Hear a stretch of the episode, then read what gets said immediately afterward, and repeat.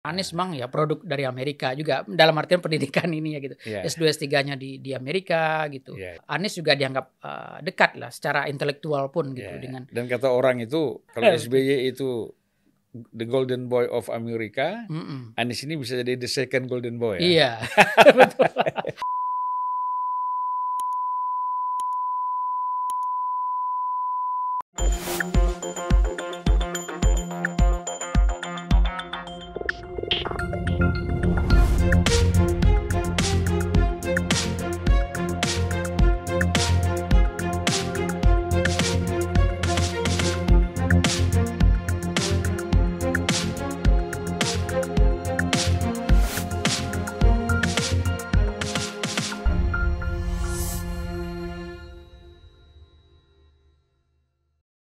Bismillahirrahmanirrahim.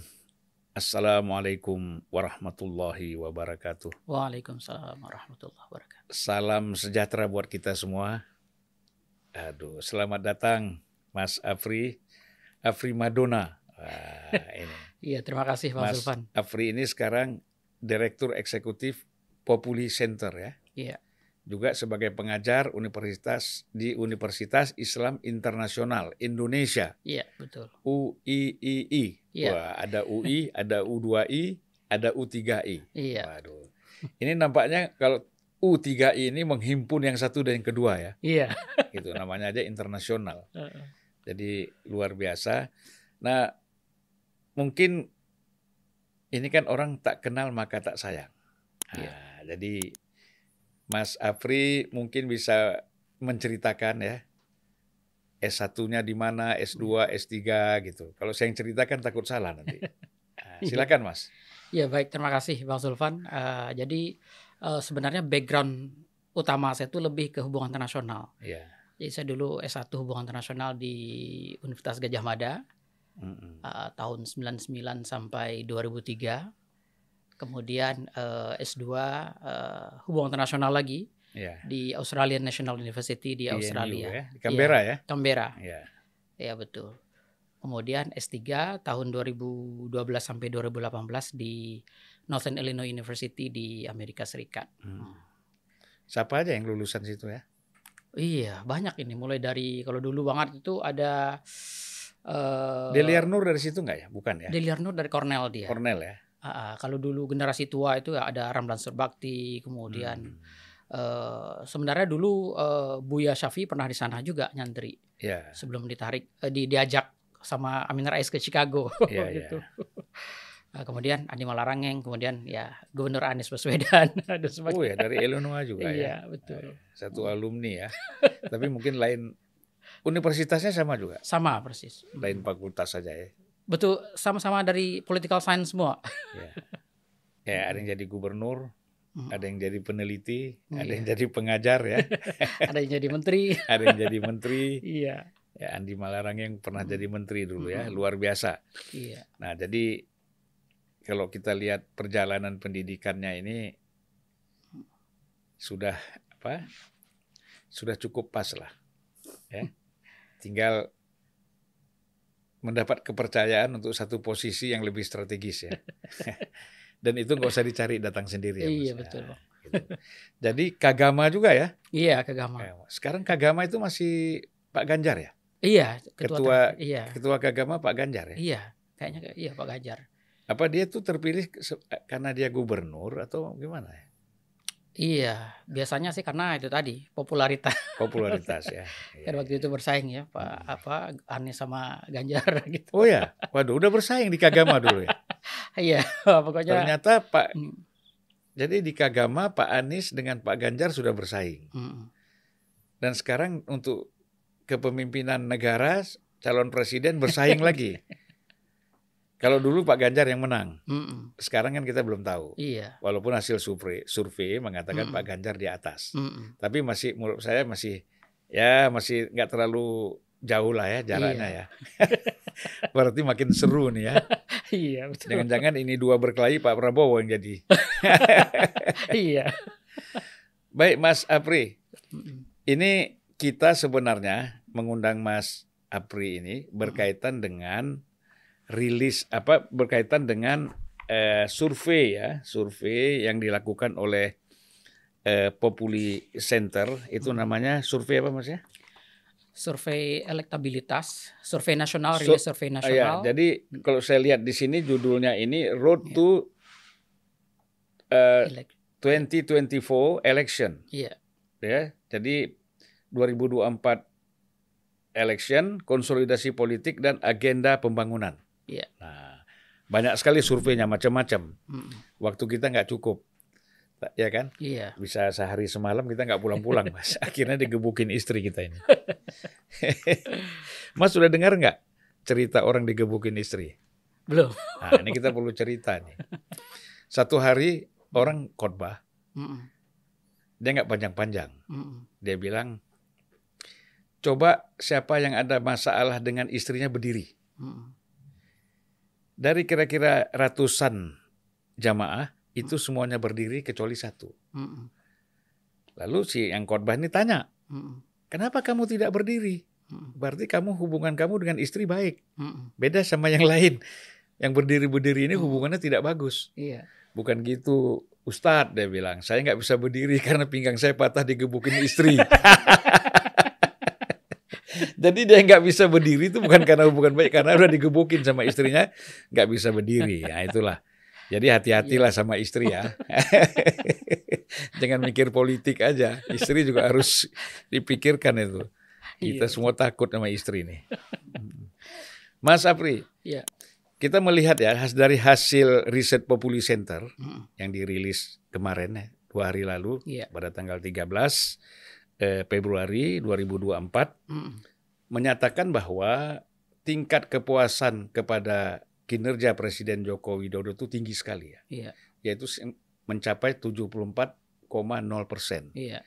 Nah mungkin bisa diceritakan ini tren ke- kenaikannya gitu Hmm. eh, dari kepuasan ini. Iya. Sebenarnya eh, sejak eh, apa namanya? Secara umum eh, tingkat kepuasan pada Presiden Jokowi itu memang udah relatif tinggi, Bang. Hmm. Eh, hanya paling hanya beberapa turun sedikit kemudian naik lagi gitu. Hmm.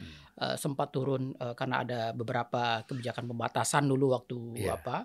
Waktu Covid gitu. Eh, apa di awal-awal dan tengah-tengah. Hmm. Tapi kemudian mulai tinggi lagi karena orang mulai mendapatkan eh, apa Presiden Jokowi mulai mendapatkan kepercayaan gitu. Iya. Dan ditambah pemberitaan kan bahwa Hmm. kita termasuk eh, apa Indonesia termasuk kisah sukses lah Ya mengatasi dalam mengatasi eh, pandemi. pandemi ini gitu. Eh, ditambah juga dengan eh, bantuan-bantuan sosial yang yang betul-betul dirasakan juga eh, Ya. di di kalangan publik begitu. Nah karena itu kemudian eh, apa tingkat kepercayaan ini meningkat eh, sangat meningkat. Hmm. Plus juga eh, ketika ancaman resesi eh, muncul gitu di sejumlah negara gitu, Hmm. kita relatif eh, baik gitu. Ya. Nah makanya kemudian eh, tingkat kepercayaan tuh eh, relatif tinggi gitu. Hmm. Ditambah dengan ya Pak Jokowi lumayan dalam beberapa hal lumayan bagus juga dalam merespon beberapa isu yang barangkali mungkin Ya, ya. menyudutkan dia seperti tiga periode dan seterusnya gitu. Mm-mm. Beberapa kali dia meyakinkan publik bahwa tidak akan ada kepemimpinan tiga periode dan lain sebagainya gitu. Jadi Hmm. dalam hal ini publik ya sangat puas dengan Ya, itu ya. semua. Nah, justru kan sekarang beberapa alasan Mm. dari pihak-pihak tertentu yang mengatakan bahwa perlu tiga periode karena dianggap eh, Pak Jokowi ini sukses Iya. dan ke, makin eh, merasa puas dengan kepemimpinan Pak Jokowi, Mm-mm. makanya diajukan tiga periode itu gimana itu? Iya, jadi memang ya memang eh, apa beberapa kalangan melihat ya barangkali mungkin karena ketidakpastian pasca ini akan seperti apa gitu dan sebagainya gitu. Makanya barangkali mereka menginginkan itu gitu. Tapi kan Pak Jokowi sendiri eh, cukup firm mengatakan ya bahwa ya secara konstitusional tidak akan mungkin lagi dan dia Hmm. tidak akan mungkin apa namanya eh, membuat presiden buruk untuk masa-masa yang akan datang karena Hmm. itu kemudian ya sekalipun mungkin popularitas tetap tinggi gitu tapi eh, apa namanya eh, dia tidak akan mungkin Ya, eh, untuk eh, sampai ketiga periode gitu. tapi kalau perpanjangan waktu gimana Mas Apri melihatnya? Ada nggak kemungkinan itu? Karena kan tiga periode itu Iya. agak sulit ya, karena Mm-mm. kita bicara eh, harus merubah konstitusi, iya betul. ya amandemen, Mm-mm. amandemen tuh. Kemudian kalau tiga periode kan mungkin bisa dilakukan dengan Mm-mm. ada konsensus Iya betul. untuk melakukan eh, merevisi undang-undang misalnya. Iya. Eh, beberapa pakar sih melihat ada visibility untuk itu gitu meskipun agak-agak berat untuk Mm. apa namanya eh, untuk perpanjangan itu gitu karena membutuhkan eh, situasi yang mungkin darurat untuk menjustifikasi itu gitu Mm.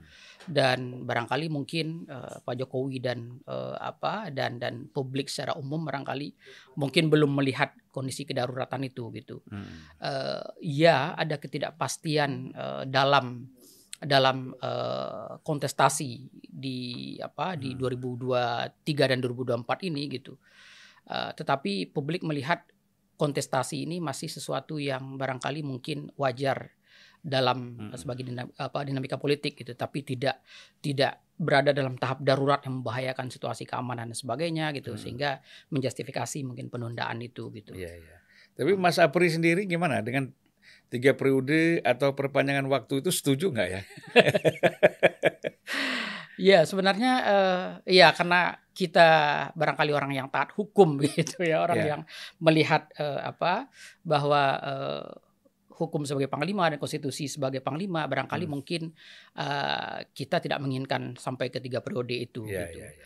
Meskipun kita tentu saja sangat menginginkan adanya stabilitas eh, ekonomi, politik dan sebagainya gitu yang Hmm. tidak terlalu eh, apa namanya eh, mengganggu kepentingan publik gitu. Jadi Hmm. transisi kekuasaan itu berlangsung eh, mulus gitu Mm.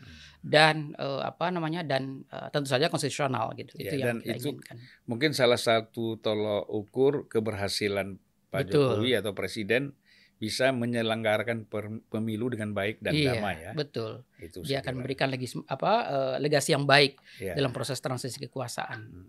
Oke, kita sekarang ada juga hasil riset yang dilakukan Hmm. oleh Populi Center itu menyangkut soal pemberantasan korupsi di Hmm. masa pemerintahan Pak Jokowi. Iya.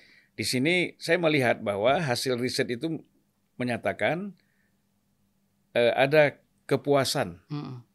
Masyarakat terhadap korupsi. Mm-mm. Jadi terhadap pemberantasan korupsi ini mencapai 60,8 persen. Iya. Nah ini bisa di di di breakdown nggak mas ini? Ya. Iya, secara umum memang eh, salah satu yang membuat eh, apa namanya, membuat publik eh, cukup puas dengan ini karena memang eh, kasus-kasus besar terutama sekali itu eh, itu lumayan terlihat eh, apa namanya di mata publik gitu. Mm. Eh, misalnya kasus eh, seperti misalnya Indosuria yang kemudian Ya. di ini gitu ya eh, apa namanya eh, ada komitmen dari pemerintah lewat eh, Menko Polhukam pada waktu itu bahwa kita akan kejar gitu pokoknya Iya, iya. BLBI juga. Iya, BLBI kemudian di, di, di ini kan kembali Hmm. gitu. Kemudian eh, Asabri dan sebagainya gitu. Hmm. Jadi kasus-kasus besar yang nilainya triliunan itu gitu. Itu betul-betul eh, bagi publik ini suatu yang Iya, iya, iya. cukup menjanjikan gitu bahwa wah, ada komitmen besar dari dari Pak Jokowi untuk menyelesaikan eh, Hmm. isu-isu ini gitu. Ya salah satu juga saya lihat ya ada semangat dari Menteri BUMN karena Iya. kan gini BUMN ini kan salah satu lahan Mm-mm. usaha iya, yang menjadi kawasan apa eh, da- daerah iya. wilayah korupsi yang tinggi ya. Iya betul. Nah, tapi mungkin saya lihat itu Erick Thohir sebagai Iya. Menteri BUMN itu kan datangin Kejaksaan Agung, Iya. mendatangi KPK ya Iya, betul. untuk eh, ingin bekerja sama lah. Mm-mm. Kalau memang ada korupsi di institusi BUMN ini memang harus ditindak tegas gitu. Iya, itu betul. mungkin satu Betul. ya. Betul sekali dan apa eh, Erick Thohir termasuk menteri yang sangat aktif kan dalam eh, apa namanya Mm-mm. dalam mendorong ini gitu termasuk streamlining bisnis-bisnis eh, Hmm. apa BUMN yang dianggap tidak eh, tidak menguntungkan gitu yang Iya, hanya iya. menguntungkan sebagian orang Iya, gitu dan iya. sebagainya gitu. Jadi eh, saya pikir mungkin publik melihat eh, dibandingkan dengan masa-masa lalu gitu di mana kasus-kasus Hmm. besar yang melibatkan koneksi besar itu rata-rata Iya. tertutup gitu. KPK itu jauh lebih lebih cukup berani di di, Iya. di, di masa ini gitu. Kan memang pada masa Orde Baru Mm-mm. BUMN itu kan menjadi apa ya? eh, lahan korupsi yang Iya. sangat luar biasa, Iya. kemudian masih terus berlanjut, Mm-mm. tapi mungkin sekarang tuh orang mulai takut-takut. Iya. Ya walaupun masih ada ya, masih Betul. ada, tapi orang masih takut-takut. iya. Memang ya sebelum membereskan yang lain ya harus membereskan di internal Iya, betul. perusahaan-perusahaan negara dulu ya. Iya, betul. Gitu. Dan apa eh, aturan-aturan mengenai apa keuangan itu kan juga makin ketat juga sekarang. Iya. Eh, pembukuan dan sebagainya itu gitu. Dan apa itu membuat dalam banyak hal eh, apa eh, bahkan pemerintah daerah pun berhati-hati kan dalam Hmm. dalam apa menggelontorkan beberapa dana gitu karena takut dia apa oleh KPK gitu. Ya sekarang kan kita melihat kita kan ingat dalam konteks korupsi ini kita mengharapkan Mm-mm. ada lembaga yang non ad hoc ya, Iya. seperti Jaksa Agung, Mm-mm. kemudian Polri Mm-mm. itu melakukan tindakan-tindakan hukum yang lebih serius Mm-mm. dan lebih eh, masif Mm-mm. terhadap persoalan eh, HAM dan korupsi misalnya. Iya. Nah, sekarang ini kan kalau kita lihat Jaksa. Agung itu sudah Mm-mm. eh, sudah mulai mendekati harapan, Iya. ya, Mm-mm. mendekati harapan. Lalu eh, KPK ini sebagai lembaga ad hoc Mm-mm. itu mungkin nanti Mm-mm. bisa tidak diperlukan lagi ketika memang lembaga hukum Iya. seperti eh, Kejaksaan Agung misalnya Iya. atau Mm. Polri Mm-mm. memang betul-betul sudah bisa berfungsi untuk Iya. menggantikan Mm-mm. Menja- me- apa, menjalankan apa yang Iya. eh, dilakukan KPK. oleh KPK sekarang. Iya betul. Nah, harapannya gimana menurut pandangan Iya. eh, Mas Apri? Memang eh, secara umum ya kalau kita perhatikan eh, cara pandang publik ya, memang paling tidak selama beberapa waktu ke depan publik masih lebih menaruh harapan besar ke KPK dibandingkan dengan Ya. dibandingkan kejaksaan dan Polri gitu. Mm-mm. Apalagi eh, itu tadi beberapa ya hasil hasil survei kita juga memperlihatkan gitu bahwa Mm-mm. eh, kinerja kepolisian mengalami penurunan dan sebagainya gitu. Mm-mm. Kemudian eh, riset apa riset-riset eh, trust terhadap kelembagaan juga memperlihatkan eh, apa eh, publik belum terlalu bisa menaruh harapan besar gitu Mm-mm. eh, apa namanya pada eh, lembaga di luar KPK gitu ya eh, dalam hal pemberantasan korupsi ini gitu dan eh, apa eh, apalagi kasus-kasus belakangan seperti misalnya MA yang Mm-mm. betul-betul di apa dihantam lagi oleh KPK dan sebagainya gitu itu Iya. makin memperlihatkan bahwa ya KPK lah mungkin barangkali yang bisa kita harapkan paling tidak gitu Iya, iya. sampai mungkin eh, norm atau eh, apa namanya eh, tradisi bersih itu betul-betul eh, mendarah daging di lembaga-lembaga Iya. eh, yang non ad hoc ini gitu. Jadi hasil survei Populi Center Mm-mm. itu menyatakan orang masih eh, melihat KPK ini sebagai lembaga yang masih terdepan ya Iya, di dalam soal betul. pemberantasan korupsi. Iya betul. Namun kan di kejaksaan ada peningkatan juga ya. ada peningkatan. ada peningkatan. Hmm, betul. Oke, ini banyak sekali materi-materi yang harus kita bahas ya, karena yang namanya riset. Dan Iya. riset ini saya kira riset komprehensif ini, Iya. ya. Tidak hanya melakukan riset untuk capres, cawapres, Iya. tapi lengkap sekali. Eh, tapi kita masuk pada isu-isu yang menarik aja lah. Hmm, Ini persoalan demokrasi kita. Iya. Penilaian terhadap demokrasi eh, hasil Populi Center itu mengatakan bahwa eh, tingkat eh, kepuasan ya, tingkat Hmm, eh, kepuasan terhadap demokrasi kita selama ini itu mencapai hmm, 77,3 persen ya. Iya. Ah, luar biasa itu. Nah ini pertimbangannya seperti apa? Iya, paling tidak itu eh, ada beberapa isu yang yang yang eh, mungkin mempengaruhi itu. Hmm. Sebenarnya di era-era eh, pandemi sempat eh, apa namanya agak menurun eh, apa eh, pandangan publik terhadap kinerja demokrasi karena Iya. barangkali dan dan itu memang tren global pada waktu Hmm. itu pembatasan eh, sosial di mana-mana dan sebagainya. Tapi ketika eh, apa pandemi mulai berakhir, kemudian eh, apa eh, pembatasan mulai dicabut gitu, eh, maka publik mulai melihat bahwa eh, apa namanya bahwa eh, demokrasi sudah back on the track. Kira-kira Hmm. seperti itu. Ditambah dengan eh, apa pengumuman Pak Jokowi tentang pengakuan bahwa ada pelanggaran HAM di masa lalu dan Hmm. kemudian eh, apa namanya eh, kita mencoba untuk eh, reconcile dan kemudian memperbaiki. Jadi em, di kalangan aktivis sebenarnya eh, apa eh, upaya eh, pengakuan terhadap pelanggaran HAM di masa lalu ini sesuatu yang penting gitu. hmm. karena uh, ini memperlihatkan komitmen pemerintah terhadap uh, apa terhadap terhadap HAM gitu dan HAM ini kan salah satu uh, komponen uh, demokrasi yang paling paling penting gitu. Yeah, yeah. Nah uh, barangkali uh, apa namanya uh, pencabutan uh, apa uh, pembatasan sosial gitu dan uh, apa pengumuman uh, rekonsiliasi uh, HAM oleh Presiden Jokowi barangkali itu dua dua hal dan yang yang yang barangkali mungkin ditangkap oleh publik hmm. uh, sebagai tolak ukur kinerja uh, perbaikan demokrasi gitu. Tetapi uh, secara umum even ketika ketika pandemi pun uh, publik sebenarnya tidak kecewa-kecewa banget dengan dengan kinerja demokrasi kita hmm. gitu. Meskipun ada tren penurunan gitu. Justru apakah Pak Afi ya kita melihat oke okay lah itu kan kita menilai dari sisi pemerintahnya. Iya. Kalau dari sisi parlemennya misalnya, hmm. bagaimana penilaian terhadap perkembangan demokrasi hmm. kalau kita menggunakan parlemen sebagai tolak ukur? Iya. Nah, nah uh, memang ketika kita uh, bertanya ke ke publik gitu uh, mengenai evaluasi demokrasi, bagi publik kan demokrasi itu sesuatu yang sederhana. Uh, ya ada keadilan, kemudian uh, kebutuhan dia tercapai, hmm. tidak ada pembatasan ini dan itu gitu.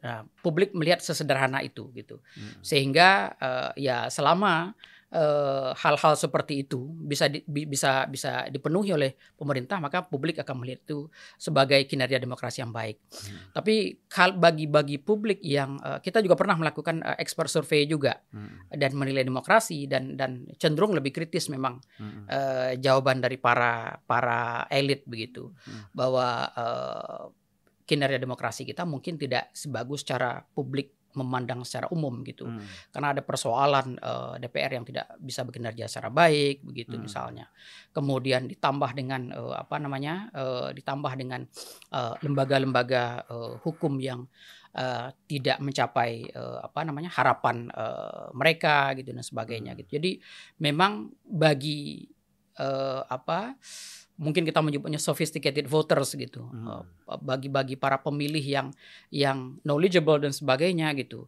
ada persoalan memang dengan demokrasi kita gitu uh, dan persoalan-persoalan ini se namun sekalipun demikian gitu persoalan-persoalan ini masih membuat kita optimis lah bahwa kita bisa on the track juga gitu. Gitu ya. Hmm. Tapi kan kalau kita lihat ini kan partai politik menjadi lembaga dengan yeah. tingkat kepercayaan publik yang sangat rendah. Iya, betul. Nah ini kan artinya kita melihat bahwa salah ukuran terpenting dari demokrasi itu kan ada di partai iya, politik, betul. gitu kan, mm sebagai lembaga demokra yang demokratis. Iya.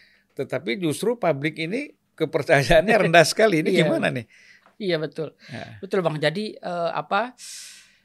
Uh, dalam beberapa hal publik tidak melihat uh, partai politik ya barangkali sebagai sebagai uh, apa uh, sebagai uh, komponen penting karena barangkali publik sudah jenuh dengan partai politik itu yeah. sehingga mereka tidak bisa mengharapkan lagi itu yang kemudian membuat kenapa uh, figur itu menjadi menjadi penting gitu hmm. uh, dan dalam banyak hal uh, ini juga juga bisa menjadi negatif karena uh, ketika uh, apa ketika figur itu lebih terdepan gitu. Yeah. Figur bisa memainkan apa pun gitu di luar kontrol hmm. uh, kelembagaan gitu. Populisme bisa meningkat gitu dan sebagainya gitu. Money politik dan sebagainya gitu. Hmm. Jadi uh, dan dan dan publik melihat itu sebagai sebagai hal yang biasa gitu. Hmm. Uh, jadi publik uh, memang tidak menaruh harapan besar uh, terhadap partai politik gitu karena memang bagi mereka ya partai politik memang tidak bisa di, diandalkan gitu. Jadi makanya kalau gitu apa gunanya ada partai politik ya? Iya. Nah, nah itu itulah yang memang uh, seharusnya menjadi otokritik kita gitu. Iya. Uh, bahwa partai politik tidak menjalankan fungsi-fungsi yang baik, fungsi sosialisasi politik, hmm. menyiapkan kader, menyiapkan apa namanya narasi besar untuk uh, perdebatan kebijakan dan sebagainya gitu. Publik melihat uh, ini semua tidak dijalankan dengan baik. Justru itu hmm. semua didapatkan dari dari figur gitu, yeah. dari dari uh, dari leader gitu, hmm. uh, sehingga uh, apa namanya personality itu kemudian lebih memainkan peran penting dibandingkan kelembagaan gitu. Ya, jadi kan kalau kita lihat dari aspek itu kita lihat ini persentase ya. Mm-mm. Jadi elektabilitas tertinggi partai pa- di parlemen sekarang Mm-mm. itu PDIP masih tertinggi ya dari Iya. hasil survei Populi Center. Mm-mm. PDIP per, eh, PDI Perjuangan itu 24,5 persen, Mm-mm. Gerindra 13,6, Iya. Golkar 11,7 persen, kemudian PKB 8,4 Mm-mm. dan seterusnya ada Nasdem 5,8, PKS eh, 5,5, Partai Demokrat 4,8. Mm-mm. Ini kenapa nih kok sejajar begini nih? Satu koalisi ini Nasdem, PKS dan Partai Demokrat ini ya. Kemudian P3 dan PAN Mm-mm. 2,3 persen dan 1,3 eh, P3 2,3 persen, PAN 1,3 persen. ya. Nah, ini ada lompatan P3 ya. Iya, P3 yang sebenarnya sekarang partai nomor 9 di parlemen, iya, lalu hasil survei dia menca- mencapai 2,3 iya. persen. Mm-mm. Nah, ini kalau kita lihat tren ini, ini apakah ini bisa konsisten nanti sampai Hmm. pemilu ini? Kecenderungannya gimana? Iya, eh, sebenarnya secara umum ada eh, turun naik eh, suara ini, Eh, tetapi paling tidak eh, tren tren dalam dalam artian apa namanya dalam artian susunan Hmm. barangkali mungkin akan relatif eh, stabil, Mm-mm. Bang Zulfan. Jadi eh, kayak misalnya eh, PDIP gitu, PDIP itu relatif konsisten di di, di angka eh, lebih dari 20 persen, Iya. 21, 22, kemudian sekarang eh, 24 persen gitu. Mm. Gerindra juga konsisten di di, di angka belasan uh, Hmm. ini gitu. Begitu juga dengan dengan Golkar gitu. Nah, uh, dulu juga kita melihatnya seperti itu. Tren itu relatif uh, apa? relatif stabil-stabil seperti itu Hmm. saja gitu. Uh, kecuali barangkali mungkin ada sesuatu yang sangat besar gitu. Hmm. Uh, karena itu tadi gitu. Publik tidak terlalu melihat partai itu sebagai sesuatu yang sangat penting gitu dan sebagainya. Iya. Karena kalau kita lihat alasan kenapa eh, Anda milih partai ini dan partai itu, alasan umumnya adalah ya karena eh, ya anggota keluarga. Secara tradisi ya keluarga memang sudah terafiliasi ke situ gitu. Mm-mm. Atau partai itu dominan di lingkungan tempat tinggal mereka gitu. Jadi Mm. lebih ke jangan-jangan gitu politik apa jangan-jangan publik lebih menilai ini gitu sebagai sesuatu yang ya natural-natural alam bawah sadar aja gitu Mm-mm. karena ya di lingkungan saya banyak orang PDIP ya udah PDIP aja gitu misalnya gitu dan sebagainya tapi dalam apa eh, publik tidak tidak memilih partai itu dalam kondisi kesadaran bahwa oh partai ini akan memperjuangkan ini ini akan memperjuangkan ini. Tidak seperti itu gitu. Berbeda dengan dengan figur barangkali Hmm. gitu. Nah makanya kemudian eh, apa eh, hasil-hasil ini itu relatif eh, stabil-stabil aja. Kalaupun Gitu. naik mungkin naiknya em, tidak lebih dari dari margin of errornya. Jadi kalau kita lihat ya, PDIP itu eh, pemilih tradisionalnya itu berapa persen ya? Dia sempat dulu kan 14 persen ya bertahan iya ya. iya Walaupun di da- dalam dalam periode Mm-mm. eh, SBY iya 2000 pemilu 2004 itu kalau nggak salah Mm-mm. 18 persen. iya Tertinggi itu Golkar ya. iya Nah. Golkar pada waktu itu Nah, kemudian habis itu turun lagi. Mm-mm. Kalau nggak salah saya itu 14 persen. Mm. iya Hmm? Iya di belasan-belasan persen itu tapi iya sejak 2019 ini Ya, 2014 2019 Mm-mm. itu mulai Meningkat. naik lagi. iya Kalau kita lihat ini apa ini? Ada kaitannya juga antara kita lihat posisi PDIP ya Mm-mm. eh, sebagai partai yang pernah menjadi pemenang iya tahun eh, seri- tahun 99 ya, 99, 1999 kemudian Mm-mm. turun Iya. 2004 2000 eh, sembilan 9 lalu naik lagi Iya. 2014 Mm-mm. 2019. Iya. Ah, Berarti kan kalau kita lihat ini Mm-mm.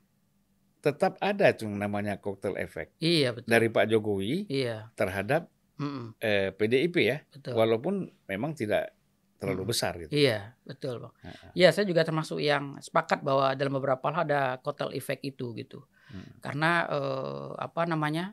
Dan beberapa kajian-kajian ya, kajian yang agak lebih solid Hmm. gitu. Yang menggunakan eksperimental gitu. Mm-mm. eh, juga memperlihatkan bahwa figur-figur tertentu itu bisa mendorong naiknya eh, suara gitu, suara Iya. partai gitu.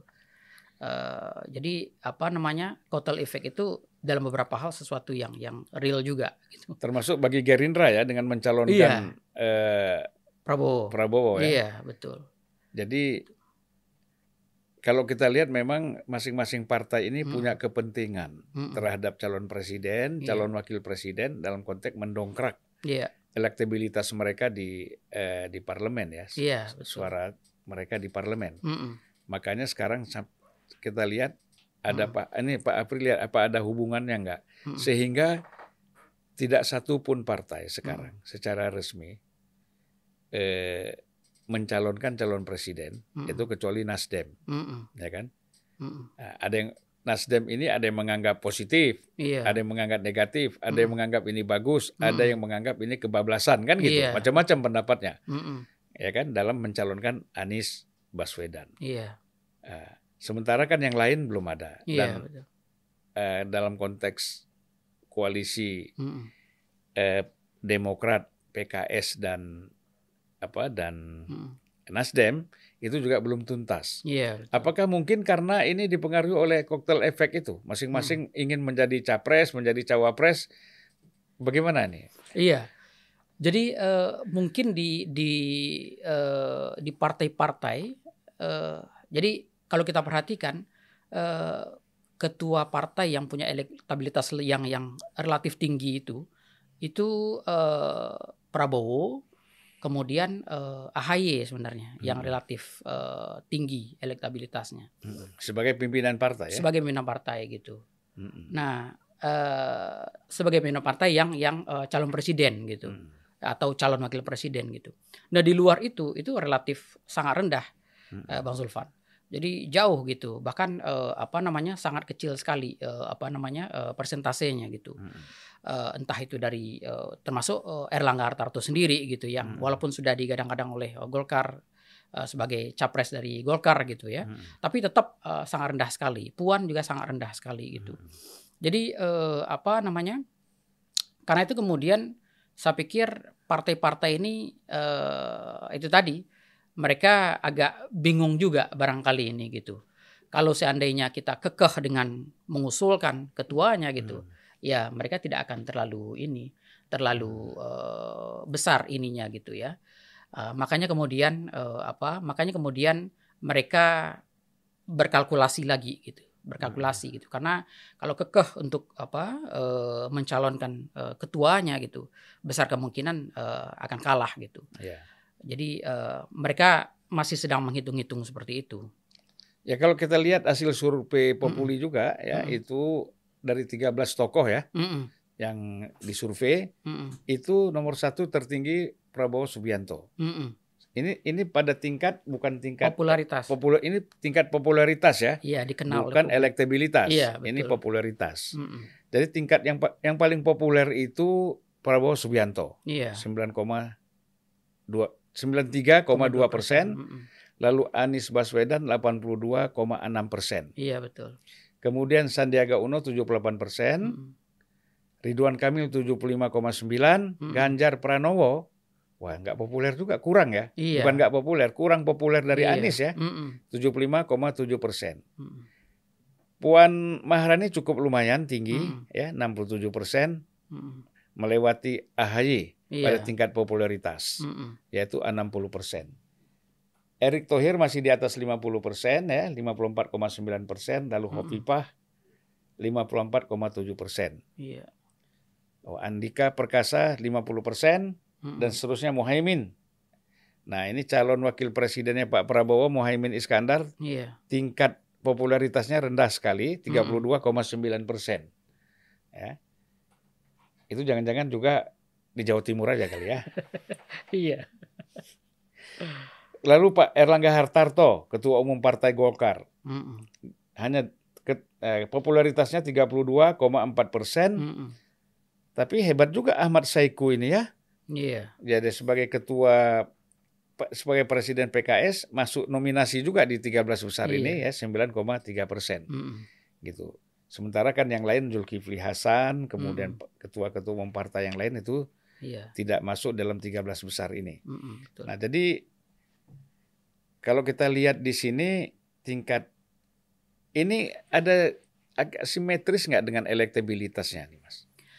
Oh tidak tidak tidak simetris uh, uh, dalam beberapa hal uh, bang Zulfan. Jadi yeah. uh, dalam hal nah elektabilitas kalau kita perhatikan gitu uh, walaupun Ganjar itu tingkat popularitasnya uh, rendah artinya dikenal yeah. publik rendah gitu tapi di kalangan di Jawa kan dia lumayan tinggi gitu ya uh, di Jawa mungkin uh, apa di atas 90-an persen orang hmm. uh, kenal Ganjar gitu. Yeah. Uh, dan karena pemilih terbesar kita di Jawa gitu. Makanya kemudian yeah. uh, elektabilitas Ganjar paling tinggi gitu ya 19,8 persen gitu.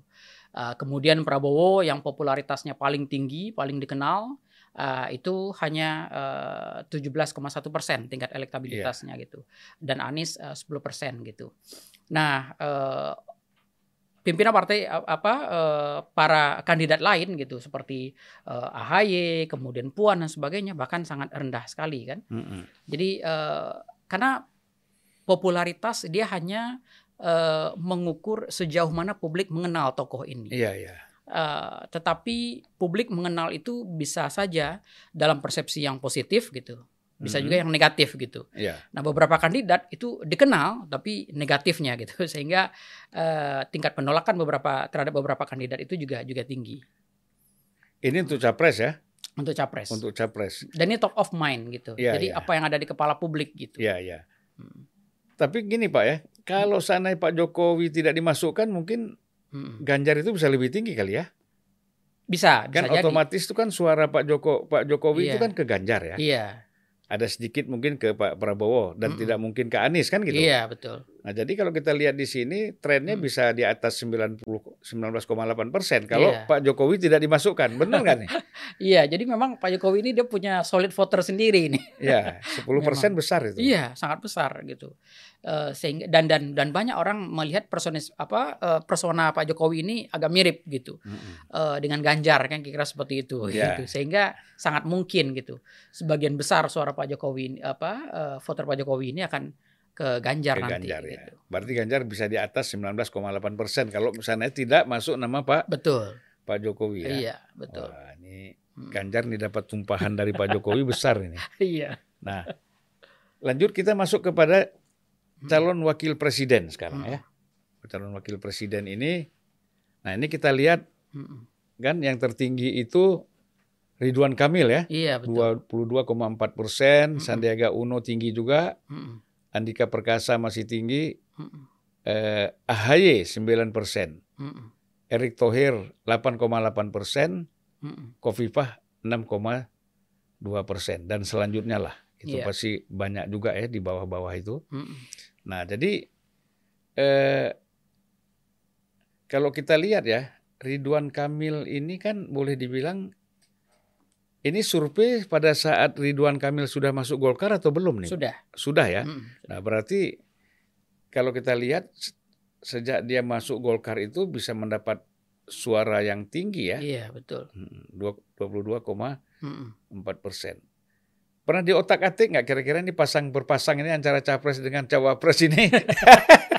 Siapa ini yang masuk ini?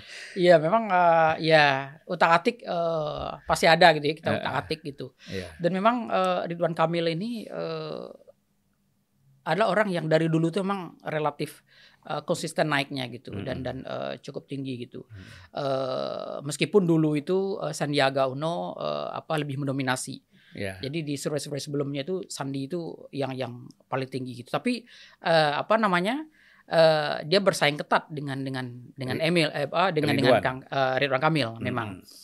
Nah, uh, barangkali mungkin dulu publik belum melihat uh, apa uh, Ridwan Kamil uh, karena uh, dalam artian uh, tidak tidak setinggi ini barangkali mungkin karena faktor uh, belum terafiliasi dengan dengan partai politik itu sehingga hmm. publik mungkin melihat uh, apa uh, ya Pak apa Ridwan Kamil belum tentu dapat tiket dan sebagainya gitu. Hmm. Tapi dengan adanya kendaraan politik yang lebih jelas gitu, hmm. paling tidak gitu, paling tidak ya masa Golkar kan udah mulai solid juga gitu, yeah. uh, melihat dia dan sebagainya gitu, sehingga uh, suara dia relatif relatif tinggi gitu.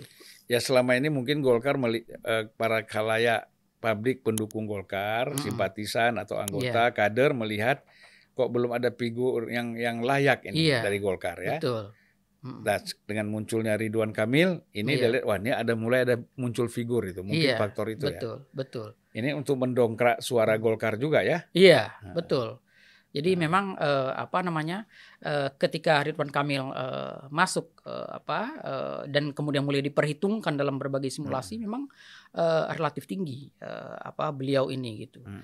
Eh, apa namanya eh, bahkan eh, ketika dia dipasangkan dengan dengan Ganjar pun gitu, itu sangat tinggi sekali Hmm. ininya gitu eh, peluang kemenangannya. Ya kalau Hmm. Kalau Ganjar berpasangan dengan Ridwan Kamil sapu bersih Jawa itu. Iya, betul, betul.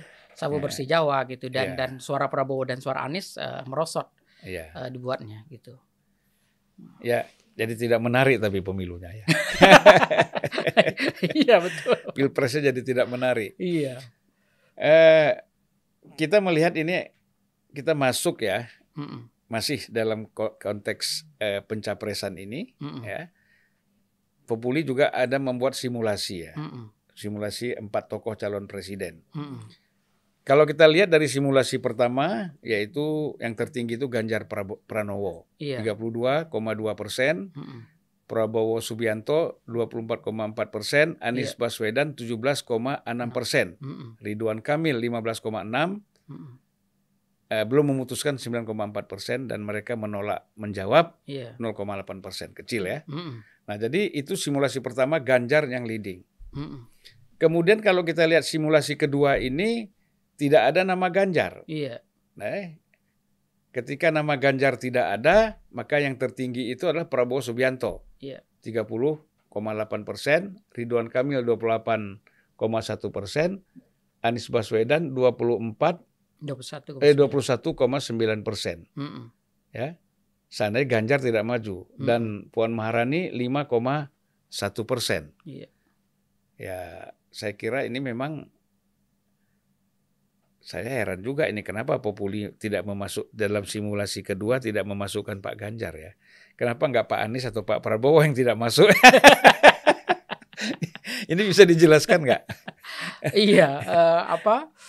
Dalam beberapa hal karena memang eh, ya paling nggak tingkat tingkat kepastian tiket eh, Ganjar ini masih belum ini Oh. belum jelas ini. Jadi eh, ini dengan ancang-ancang kalau seandainya Ya. memang eh, apa Ganjar tidak masuk ke dalam dalam pertarungan gitu.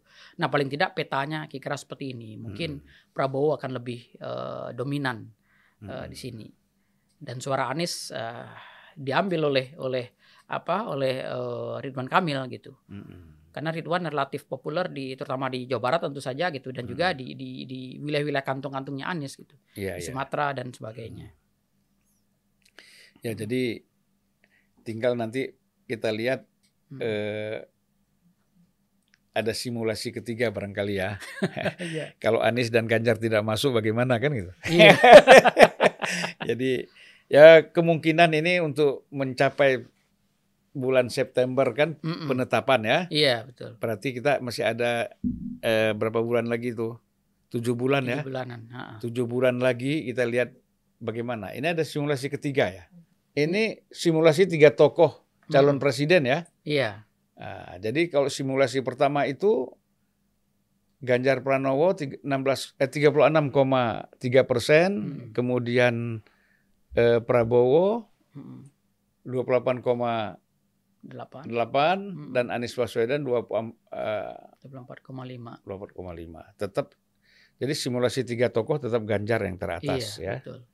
Dan Prabowo nomor 2, Anies yang nomor 3. Hmm. Simulasi kedua apa ini? Simulasi kedua Ganjar tidak diikutkan. Iya.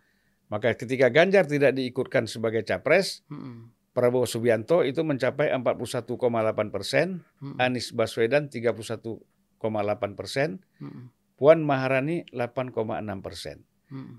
Nah kalau kita lihat di sini kan suara Ganjar tidak jatuhnya ke Puan juga ya, Iya, betul. Nah, Mm-mm.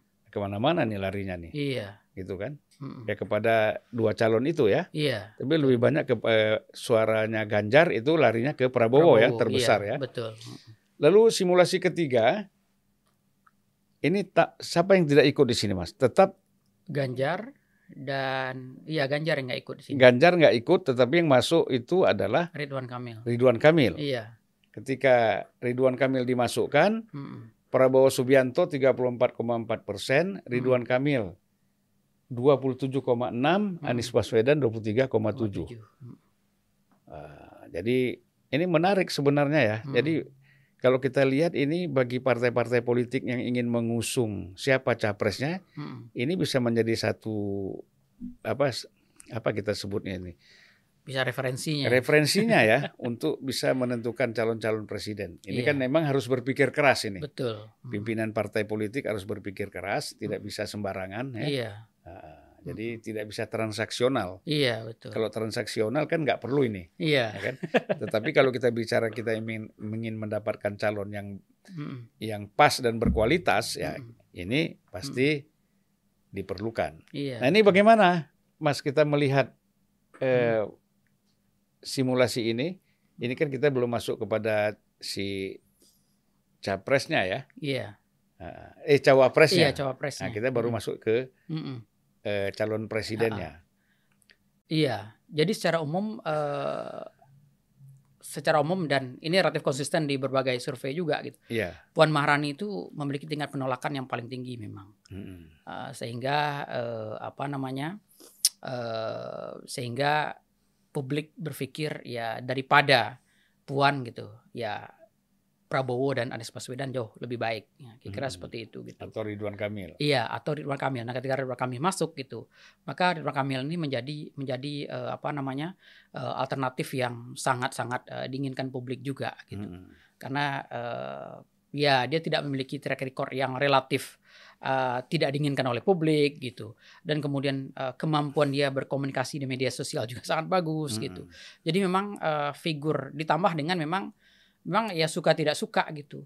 Eh, apa yang menimpa beliau gitu ya di Hmm. tahun kemarin gitu itu juga memberikan efek positif juga Iya, memang. iya, yang gitu. musibah itu ya. Musibah anak itu. putranya yang Mm-mm. Dan itu kan diliput ya, media hanyut, ya, secara secara intensif Ya. seperti itu gitu.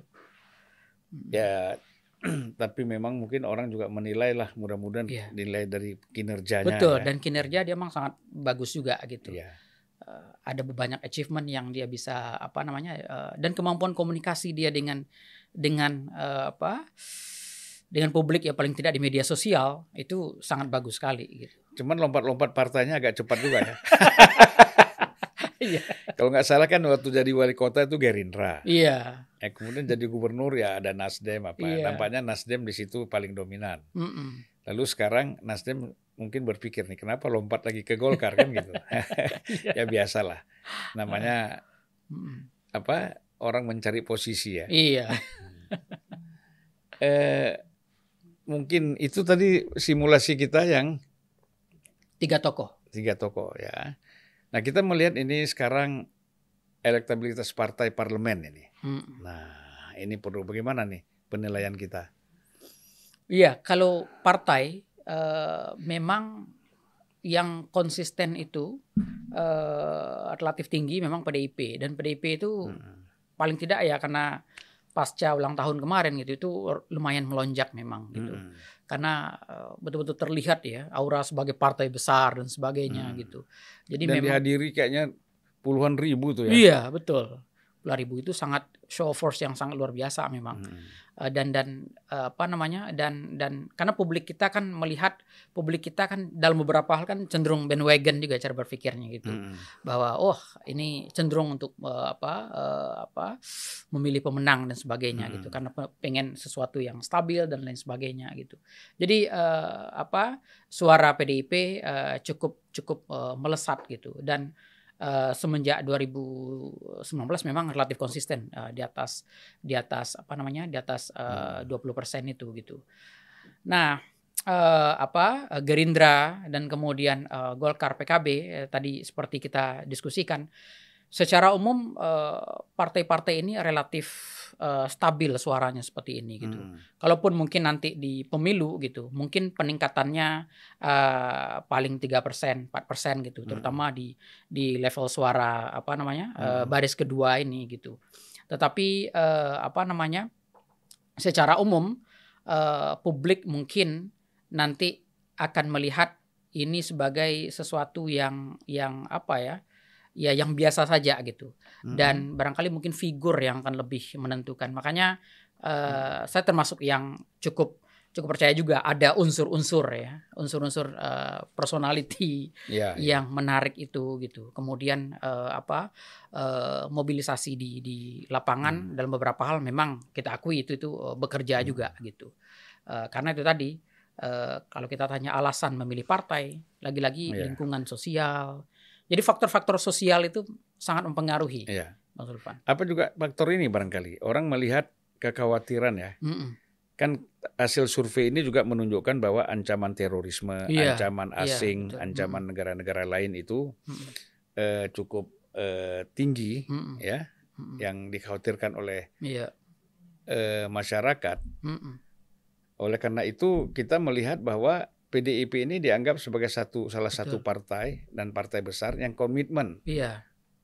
eh, secara eh, penuh Mm-mm. terhadap ideologi negara, konstitusi dan Iya. dan NKRI barangkali. Betul. Ya. Betul. Karena faktor historis juga ya. Iya, iya, betul. Ya, saya saya sepakat itu gitu. Eh, jadi eh, publik memang melihat ancaman terbesar kita itu memang eh, terorisme gitu. Iya, Eh, dan mungkin di beberapa kajian-kajian eh, radikalisme agama dan lain sebagainya gitu. Mm-mm. Itu memang dilihat publik sebagai sesuatu yang yang apa namanya? yang cukup mengkhawatirkan gitu. Mm-mm. Nah, makanya kemudian eh, bisa jadi partai-partai yang dianggap sebagai simbol guardian Pancasila itu gitu. Mm-mm. Itu eh, mereka menaruh harapan yang besar Iya. uh, di di sana gitu. Jadi kalau kita perhatikan kan partai-partai uh, terutama PDIP gitu, Hmm. kemudian uh, Gerindra dan dan dan uh, Golkar juga yang relatif apa namanya uh, paling tidak nasionalis, nasionalisnya masih lebih terlihat gitu. Mm-mm. Uh, dan partai agama pun yang relatif konsisten tinggi kan PKB gitu yang sangat Hmm. moderat dan uh, komitmen menjaga apa namanya uh, NK. karena NU-nya itu gitu uh, konsisten menjaga moderasi beragama gitu dan Iya. sebagainya. Jadi memang uh, ada ada konsistensi juga Mm-mm. antara persepsi ancaman itu dengan pilihan partai itu.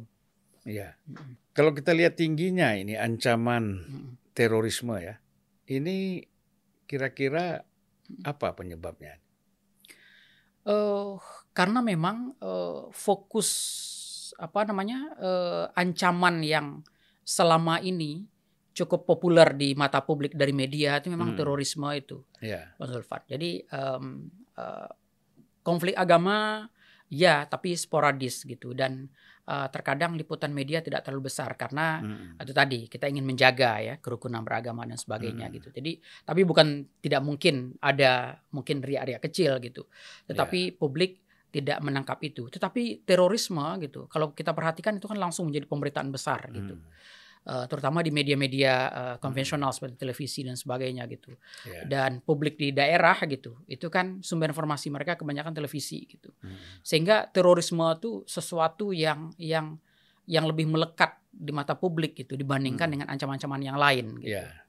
Nah, makanya kemudian eh, terorisme ini eh, apa eh, sesuatu yang yang yang lekat- Serius ya, dianggap serius. ancaman serius ya. betul dianggap ancaman serius oleh oleh publik.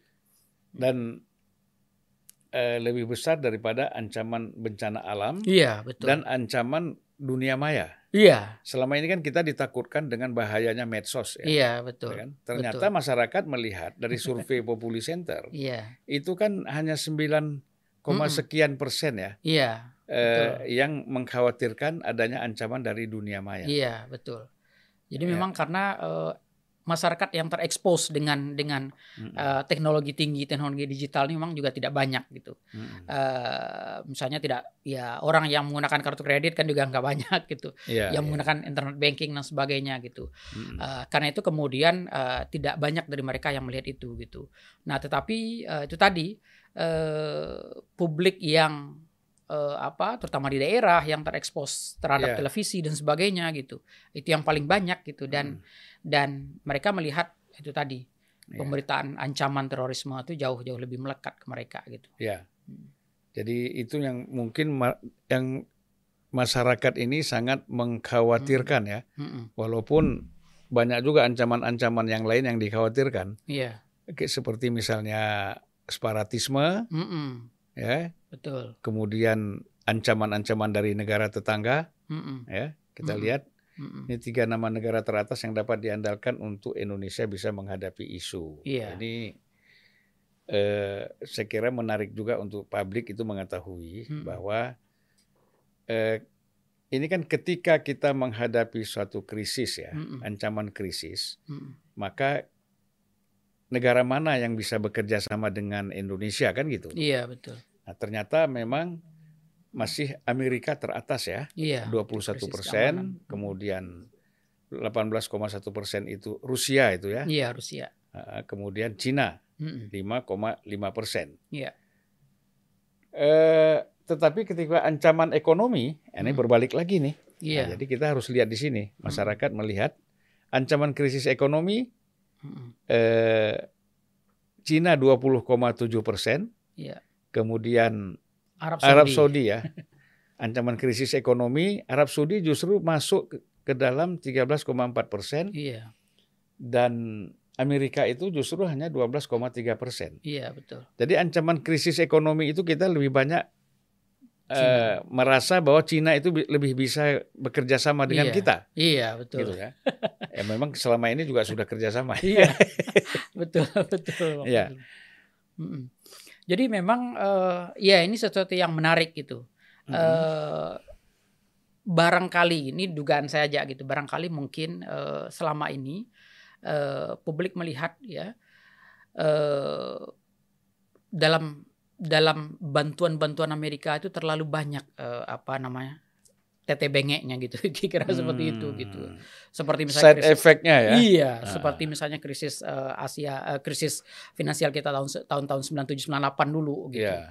Itu kan ketika IMF masuk macam-macam yang diinginkan gitu. Mm-mm. Harus eh, inilah eh, deregulasi ini, deregulasi itu gitu. Mm-mm. Liberalisasi ini dan seterusnya gitu dan kita memang eh, sangat merasakan eh, apa namanya eh, efek efek eh, apa efek ekonominya pada publik itu gitu Hmm. itu sangat-sangat eh, besar sekali berbeda dengan barangkali mungkin Cina gitu ya Cina itu kan relatif dan kemudian plus eh, apa dimensi politiknya kan juga banyak itu di di bantuan-bantuan eh, Amerika itu gitu Iya. harus melakukan reformasi ini reformasi itu dan seterusnya gitu kalau Cina mereka kan lebih pragmatis saja gitu Iya, iya. saya bantu kemudian ya kembalinya segini gitu Iya, iya. ya apa pun kondisinya gitu kan kira-kira Hmm. seperti itu gitu Ya dagang ya dagang lah. Dagang gitu. ya dagang. Nggak, ada Gitu. politiknya di situ. iya betul Hmm. nah makanya publik mungkin melihat eh, apa namanya eh, Cina ya lebih lebih bisa kita andalkan karena tidak terlalu tidak terlalu rumit kira-kira seperti itu Hmm. plus juga penem- apa pemberitaan selama ini yang perlihatkan bahwa investasi Cina eh, di infrastruktur dan sebagainya itu juga meningkat pesat gitu jadi eh, publik melihat eh, ya yang punya duit itu secara umum ya Cina gitu Hmm. sehingga kalau ada masalah ekonomi ya Cina barangkali yang lebih Iya, bisa iya. ini gitu. Nah, tetapi di ancaman eh, keamanan itu memang Amerika masih lebih dominan gitu. Iya. Barangkali ini mungkin eh, terkait dengan beberapa eh, ya singgungan-singgungan persoalan keamanan kita dengan Cina juga seperti Hmm. persoalan di Laut Cina Selatan Iya, gitu, Natuna. ada Natuna Hmm. gitu. Eh, apa di mana Cina dianggap agak agresif juga dan sebagainya Hmm. gitu dan Amerika dianggap sebagai dalam tanda kutip mungkin ya eh, apa eh, stabilizer di wilayah itu gitu Hmm. sehingga publik lebih melihat sana gitu saya pikir ini dalam beberapa hal eh, memperlihatkan publik lumayan lumayan eh, apa lumayan selektif dalam melihat isu-isu ini gitu dan bisa menempatkan Iya. eh, ininya gitu menempatkan siapa mitra-mitra yang ya paling bisa kita andalkan untuk kerjasama gitu Dan di mana posisi Rusia kalau kita lihat ini? Tadi kan Rusia termasuk ancaman eh, krisis keamanan ya. iya termasuk Rusia mitra itu yang kan nomor diandalkan. dua setelah Amerika ya. Iya betul. Nah memang eh, ya terutama sejak eh, sejak sejak eh, perang Rusia Ukraina gitu. Hmm. Rusia memang cukup populer di Indonesia gitu Hmm. dan kalau kita ma- makanya kemudian eh, beberapa teman-teman yang melakukan kajian-kajian tentang propaganda dan sebagainya gitu Hmm. itu memang memperlihatkan bahwa Rusia sangat-sangat eh, punya citra positif di di, di Indonesia gitu Hmm. kemudian eh, apa namanya eh, ditambah dengan eh, apa ditambah dengan barangkali mungkin personality Putin yang dianggap eh, apa dianggap punya citra positif ya di di, di Indonesia karena itu kemudian eh, apa namanya eh, publik kita melihat eh, di luar Amerika gitu Cina dan eh, Rusia mungkin juga bisa sebagai pengimbang gitu Iya. untuk membantu kita jika ada Mm-mm. persoalan keamanan gitu artinya ya kalau Amerika tidak mau ada alternatif nih. Hmm. Nah, gitu. Jadi ini alternatif-alternatif yang bisa diandalkan karena mereka uh, Iya. tiga negara yang dianggap powerful secara keamanan. Iya. Lalu kita lihat ketika terjadi eh, krisis kesehatan yang Mm-mm. lalu ya, Mm-mm. Pandemi kita yang begitu Iya. parah Mm-mm. dan itu terjadi di berbagai belahan dunia, negara, Mm-mm. kita melihat bahwa Cina itu bagi Indonesia Mm-mm.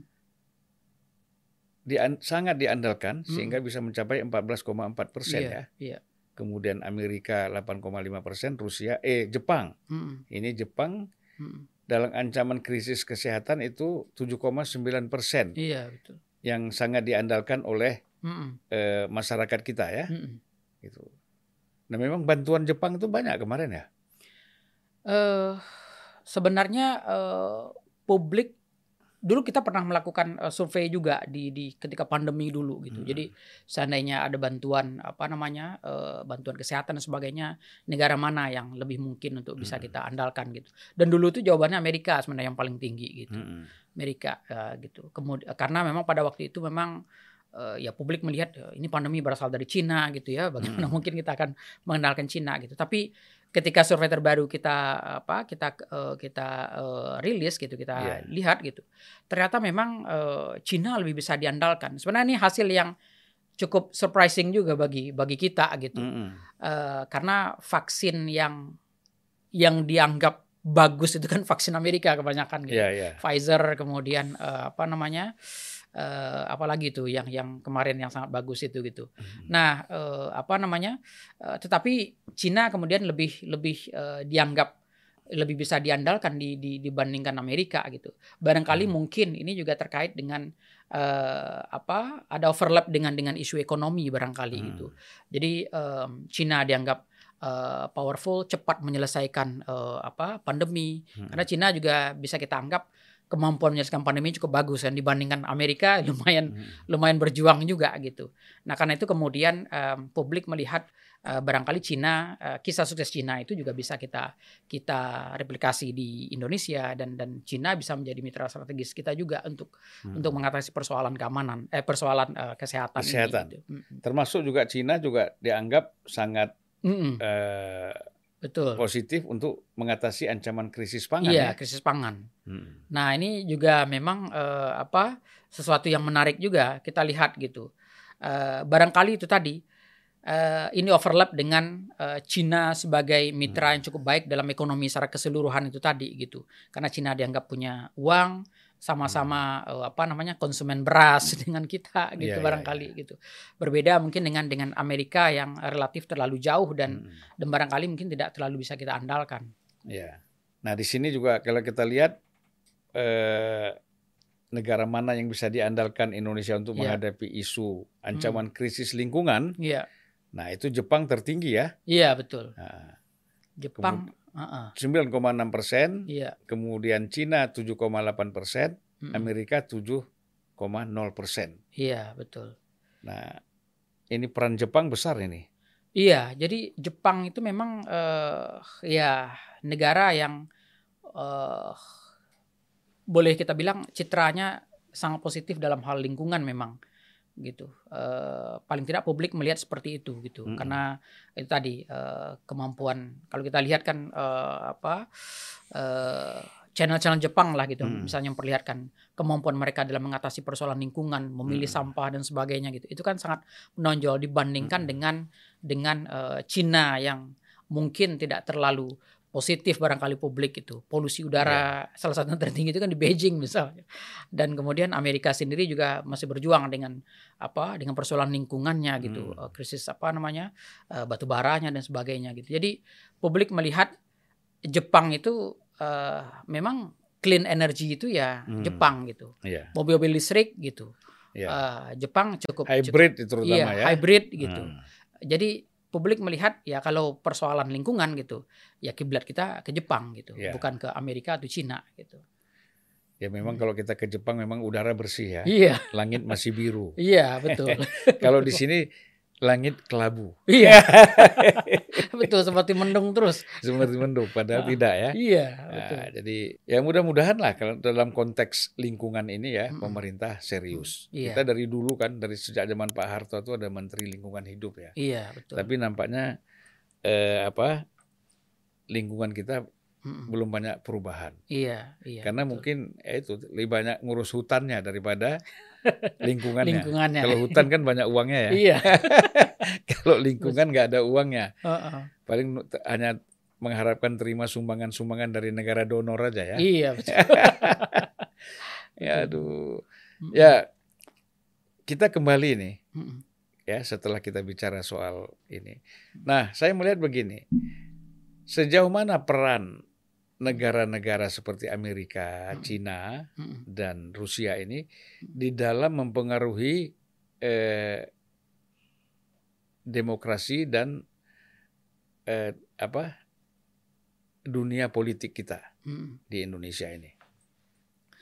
Eh, banyak memang yang mengatakan bahwa pengaruh eh, asing mungkin eh, kuat dalam mempengaruhi kontestasi kita gitu. Mm-mm. Tapi paling tidak eh, saya belum belum terlalu melihat itu untuk Mm-mm. untuk eh, sekarang eh, Bang Zulfan karena eh, apa namanya?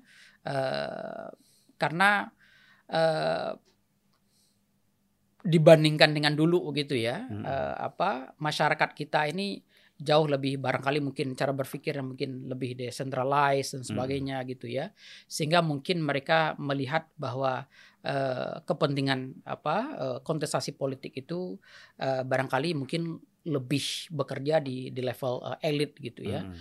dan apa namanya dan kalau kita perhatikan gitu eh, apa namanya eh, negara-negara ini eh, negara-negara besar ini gitu eh, kalaupun mereka terlibat mungkin tidak sevulgar barangkali mungkin dulu gitu ya Mm. tidak sevulgar dulu yang barangkali mungkin menyalurkan funding kemudian memobilisasi dan sebagainya Hmm. gitu dan memang kita juga tidak berharap uh, ada intervensi yang seperti itu gitu kita berharap uh, publik kita betul-betul uh, apa namanya betul-betul uh, clean lah dari dari hal-hal seperti ini Iya. gitu nah uh, dalam kontestasi ini gitu kalau kita perhatikan gitu eh, mungkin negara A menginginkan eh, si B gitu, negara eh, menginginkan si X gitu, negara Hmm. B menginginkan si Y dan sebagainya gitu. Mm. Kalau kita lihat ketika mereka memimpin gitu, mungkin perubahan-perubahan kebijakan nggak nggak terlalu nggak terlalu besar gitu. Mm. Eh, sehingga eh, apa namanya sehingga eh, paling tidak hal-hal yang betul-betul dipertaruhkan itu tidak terlalu ada gitu. Mm.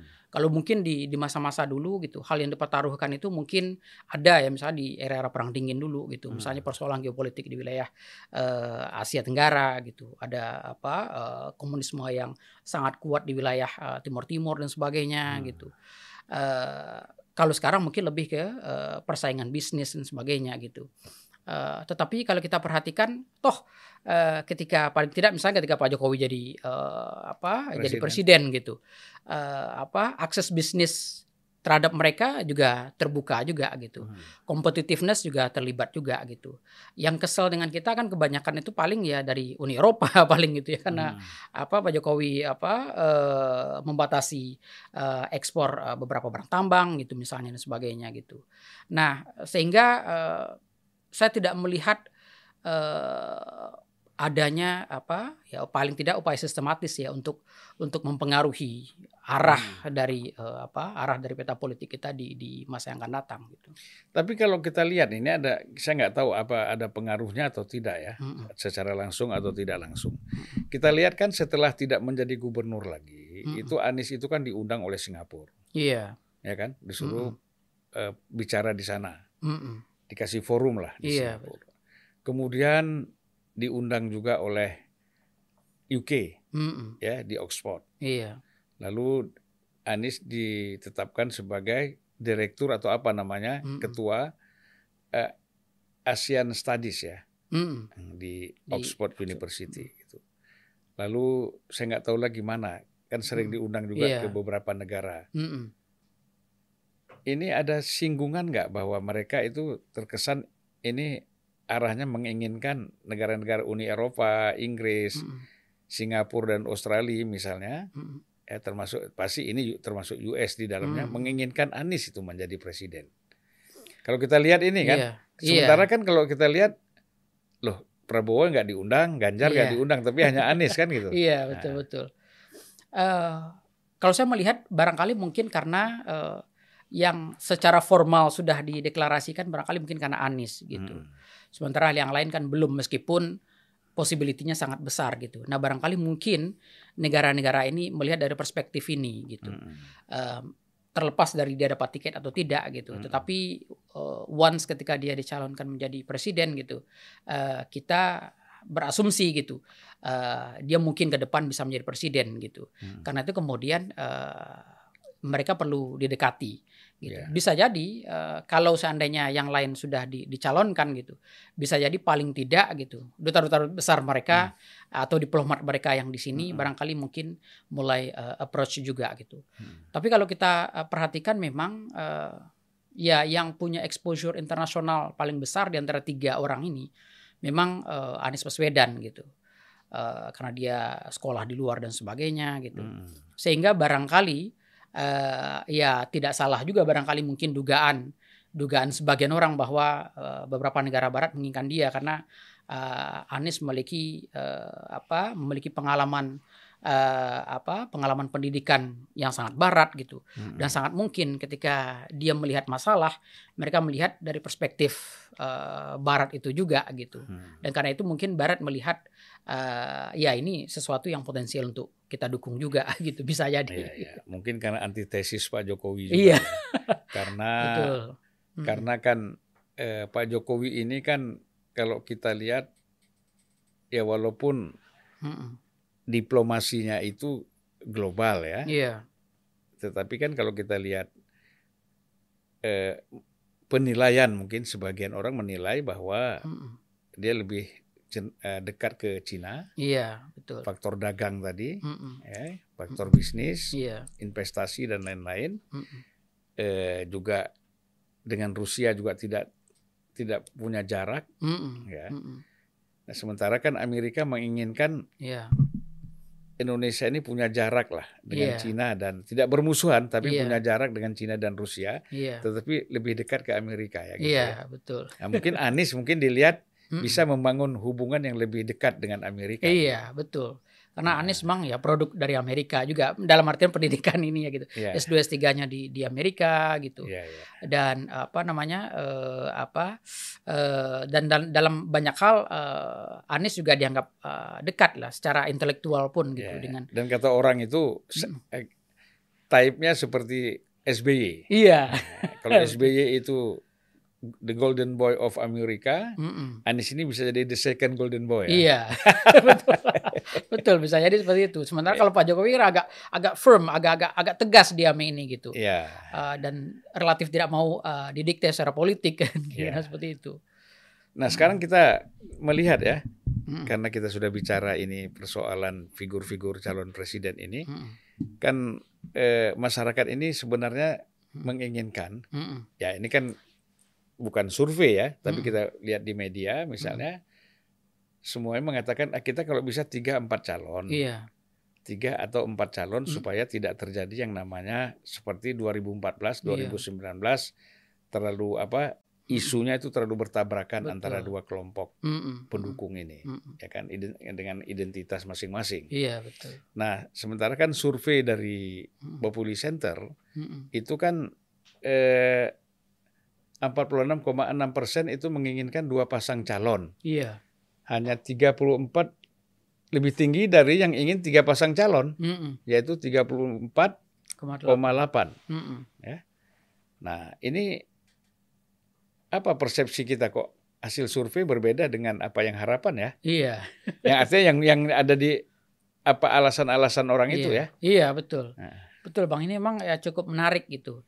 Eh, salah satu du- ya dugaan saya mungkin ini juga terkait dengan eh, apa mungkin biaya demokrasi juga barangkali Hmm. gitu ya.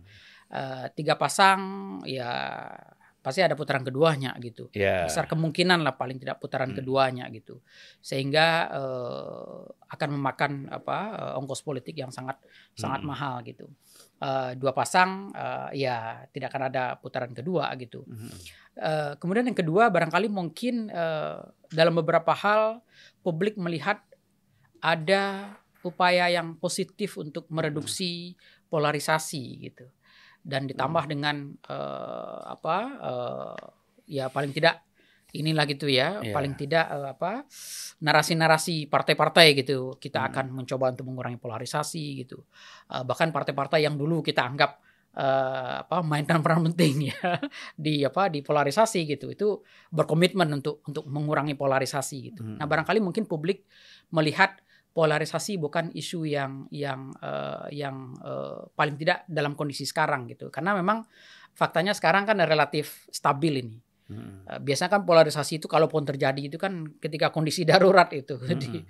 apa eh, di di di di trigger lagi gitu untuk membuat eh, apa namanya membuat pembelahan itu terjadi gitu. Nah, barangkali publik melihat itu gitu dalam kondisi sekarang kondisi Hmm. relatif stabil, pendukung Prabowo dengan Jokowi udah relatif eh, engage lagi dan sebagainya Hmm. gitu. Sehingga publik melihat eh, polarisasi mungkin bukan sesuatu yang yang eh, serius sekarang gitu. Nah, karena itu kemudian publik tidak terlalu khawatir dengan pemilah apa eh, dengan eh, munculnya dua dua pasang calon ini. Ya. Hmm. Jadi kalau kita lihat ya, misalnya Anies itu Mm, suaranya cenderung menurun, mm, mm, terutama setelah tidak menjadi gubernur. Mm, mm. Lalu selain itu apalagi yang membuat pengaruh suara Anies itu menurun selain Hmm. tidak menjabat lagi sebagai gubernur? Iya. Eh di antara dugaan-dugaan kita itu adalah karena tadi ketidakpastian eh, ketidakpastian tiket yang Hmm. yang yang eh, apa Ya. yang akan didapatkan oleh Anies gitu. Mm-mm. Eh, dan apa namanya? Eh dulu Anies cukup meningkat pesat gitu. Pernah kita survei pasca deklarasi dan itu sangat sangat tinggi memang eh, kenaikan Mm. eh, Anies Baswedan gitu. Iya.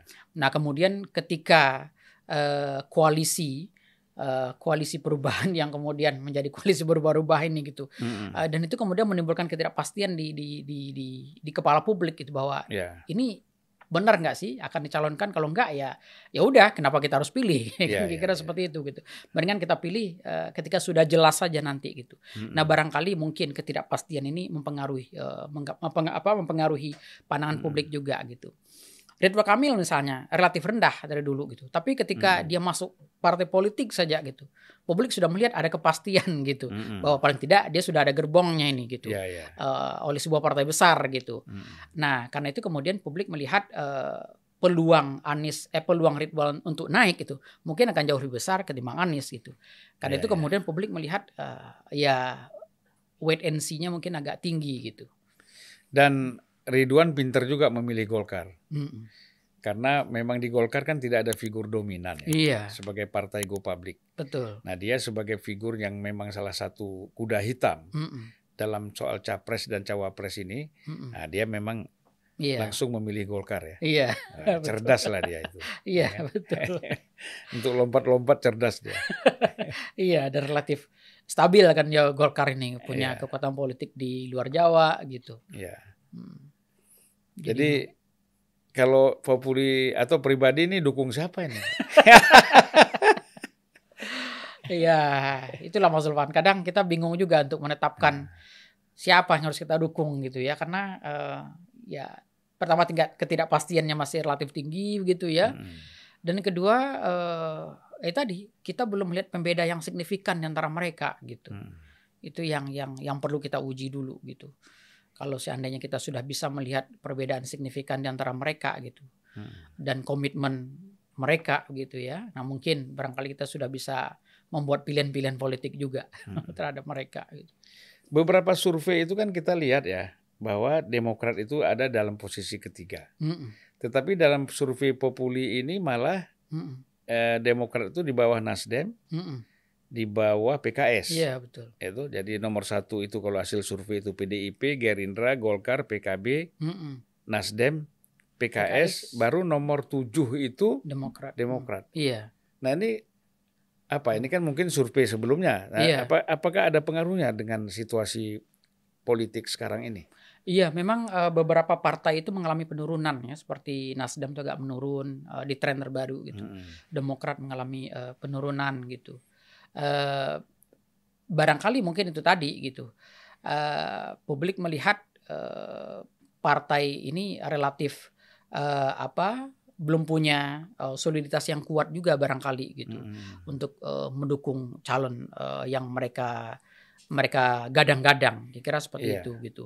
Jadi eh, kalau dari perspektif publik ketika mereka terlalu banyak perhitungan gitu ya, eh, publik melihat eh, apa namanya eh, ini partai apa eh, belum terlalu punya komitmen yang kuat gitu ya Mm. untuk untuk membuat keputusan politik gitu dan kemudian untuk mendedikasikan untuk sebuah eh, tujuan-tujuan eh, apa tujuan-tujuan kolektif mereka dan sebagainya Iya. gitu sehingga barangkali mungkin publik tidak menaruh harapan yang cukup baik juga jangan-jangan gitu nah beda dengan partai-partai yang yang di atas tadi gitu itu kan sudah firm gitu dari awal mereka eh, PDIP solid dengan ya walaupun solid dengan keputusan Mega gitu ya tapi kemudian eh, Gerindra sudah jelas Golkar sudah jelas gitu dan sebagainya gitu Mm. Em, sehingga eh, mereka melihat ini partai yang relatif relatif eh, punya konsistensi barangkali konsistensi pilihan politik yang lebih Hmm. baik dibandingkan yang lain gitu. Ya, kemudian kita lihat partai non parlemen ya, Mm-mm, misalnya cukup lumayan tinggi, mm-mm. yaitu Perindo 1,8 persen. Iya betul.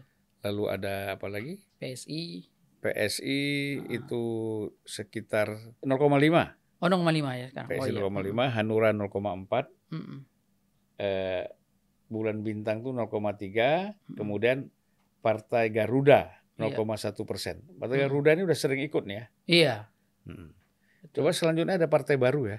Partai baru kita lihat itu Partai Buruh 0,3 persen, Mm-mm, lalu Partai Gelora Indonesia 0,3 persen, mm-mm, Partai Umat itu 0,2 dan Partai PKN. mm-mm. PKN itu Partai Kebangkitan Nusantara. Nusantara, iya. Banyak orang-orang Demokrat mantan Demokrat yang bergabung di sini Mm-mm, itu 0,1 persen. Iya. Nah jadi eh, kalau kita lihat tren ini ya, saya Hmm. melihat kalau kita gabungkan ini partai non parlemen dengan partai baru ya, Iya. Pak Afri ya, Hmm.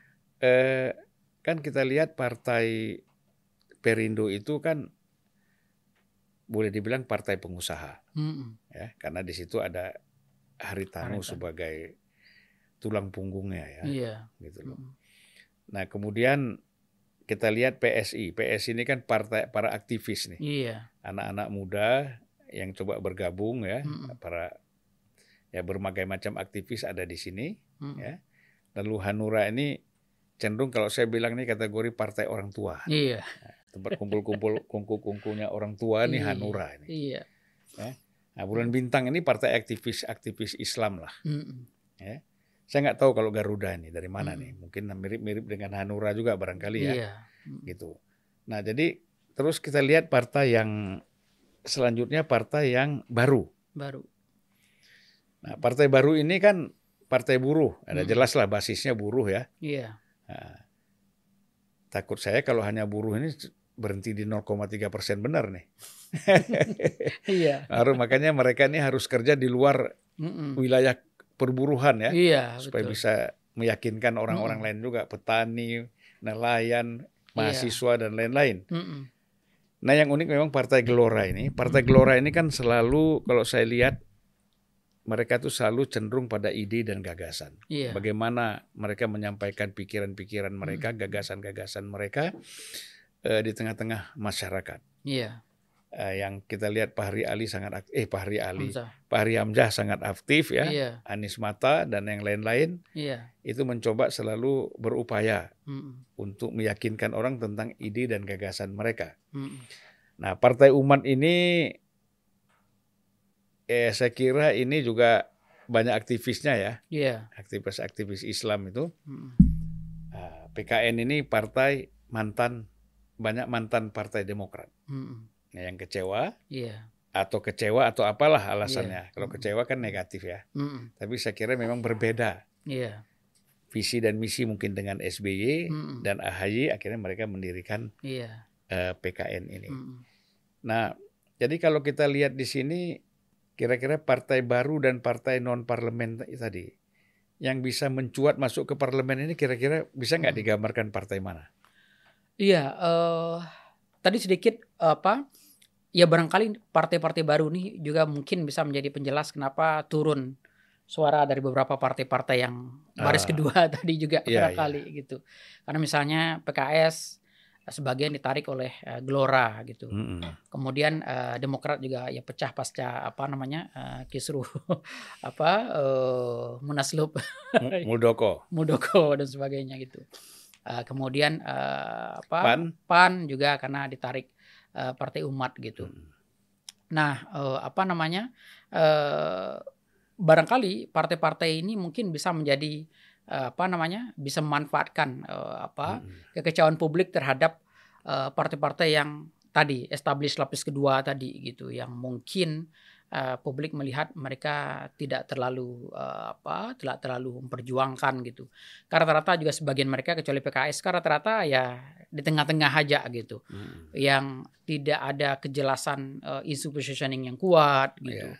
kemudian yang diperjuangkan juga belum terlalu jelas juga gitu Mm-mm. Uh, sehingga sangat mungkin suara-suara mereka akan digerogoti uh, oleh apa oleh partai-partai ini gitu. Mm-mm. Nah, yang cukup potensial sebenarnya mungkin uh, PSI dan dan dan The Gelora menurut saya itu. Mm-mm. Uh, karena uh, PSI itu uh, dalam beberapa hal mereka sudah punya uh, uh, portofolio yang kuat gitu Mm-mm. portofolio yang kuat eh, dan dan apa namanya dan eh, di sebagian eh, apa di sebagian daerah mereka bisa memperlihatkan kinerja gitu. Mm-mm. sehingga sangat mungkin juga eh, PSI dan PSI itu eh, ya kalau ngobrol-ngobrol dengan eh, apa dengan teman-teman itu mereka relatif konsisten dalam eh, memonopoli satu isu penting gitu. Jadi kalau dalam literatur itu ada namanya isu ownership gitu. Mm-mm. Uh, dan isu ownership itu isu yang yang yang apa namanya yang ketika publik eh, apa eh, dihadapkan pada isu itu mereka tahu partai apa yang barangkali mungkin mereka bisa andalkan untuk memperjuangkan gitu. Mm.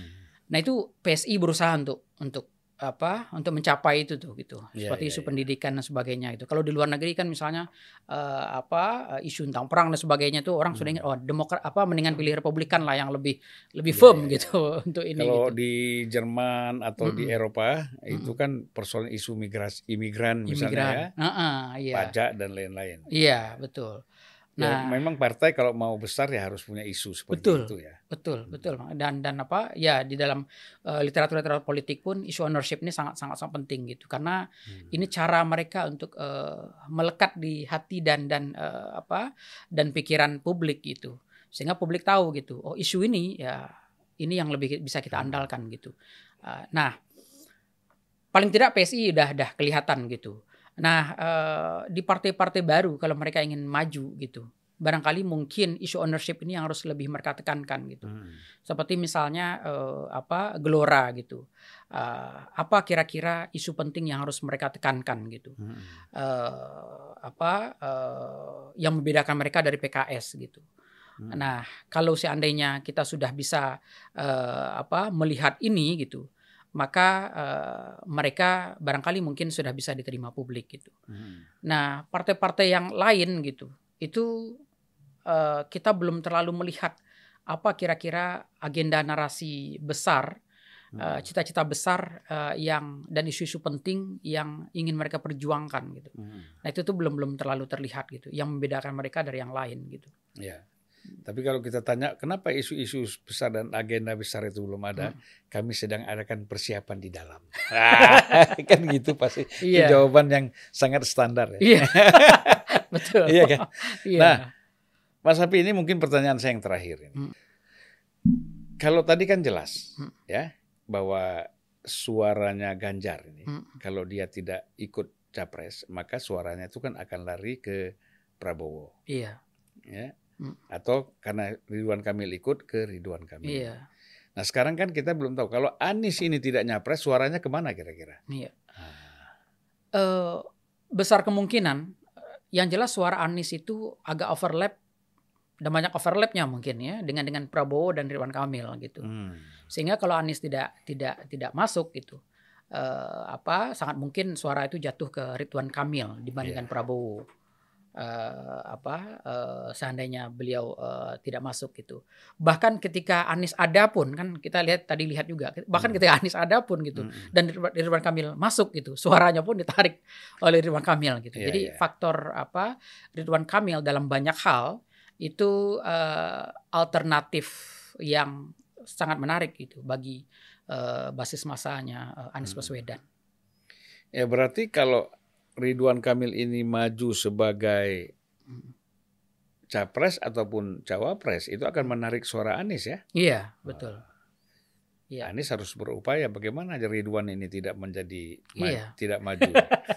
betul betul sekali makanya ini sesuatu yang yang belum pernah kita uji sebelumnya gitu Iya. tapi ketika kita masukkan nama Ridwan Kamil gitu ternyata hasilnya Anies drop Ah, ya. Makanya itu artinya kan ini tugas partai-partai pendukung Anies ya iya untuk betul. bekerja lebih Mm-mm. keras iya dalam untuk Mm. menyukseskan ini. iya Terima kasih Pak Afri, luar biasa kita ngomong satu jam setengah lebih ya. iya Dan mudah-mudahan ini ada besar manfaatnya amin buat masyarakat kita lebih memahami Hmm. di dalam proses kita ini menuju ke pemilu 2024 nanti. iya Nah, selamat juga kepada Populi Center iya terima ya, kasih yang selalu melakukan kinerja-kinerja riset yang luar biasa dan kita tetap bekerja sama. iya Ya siap kan? Mudah-mudahan kami diterima dengan tangan Iya. terbuka oleh Populi Center. Populi Center juga kami iya bukan hanya tangan terbuka dengan hati terbuka. iya tentu saja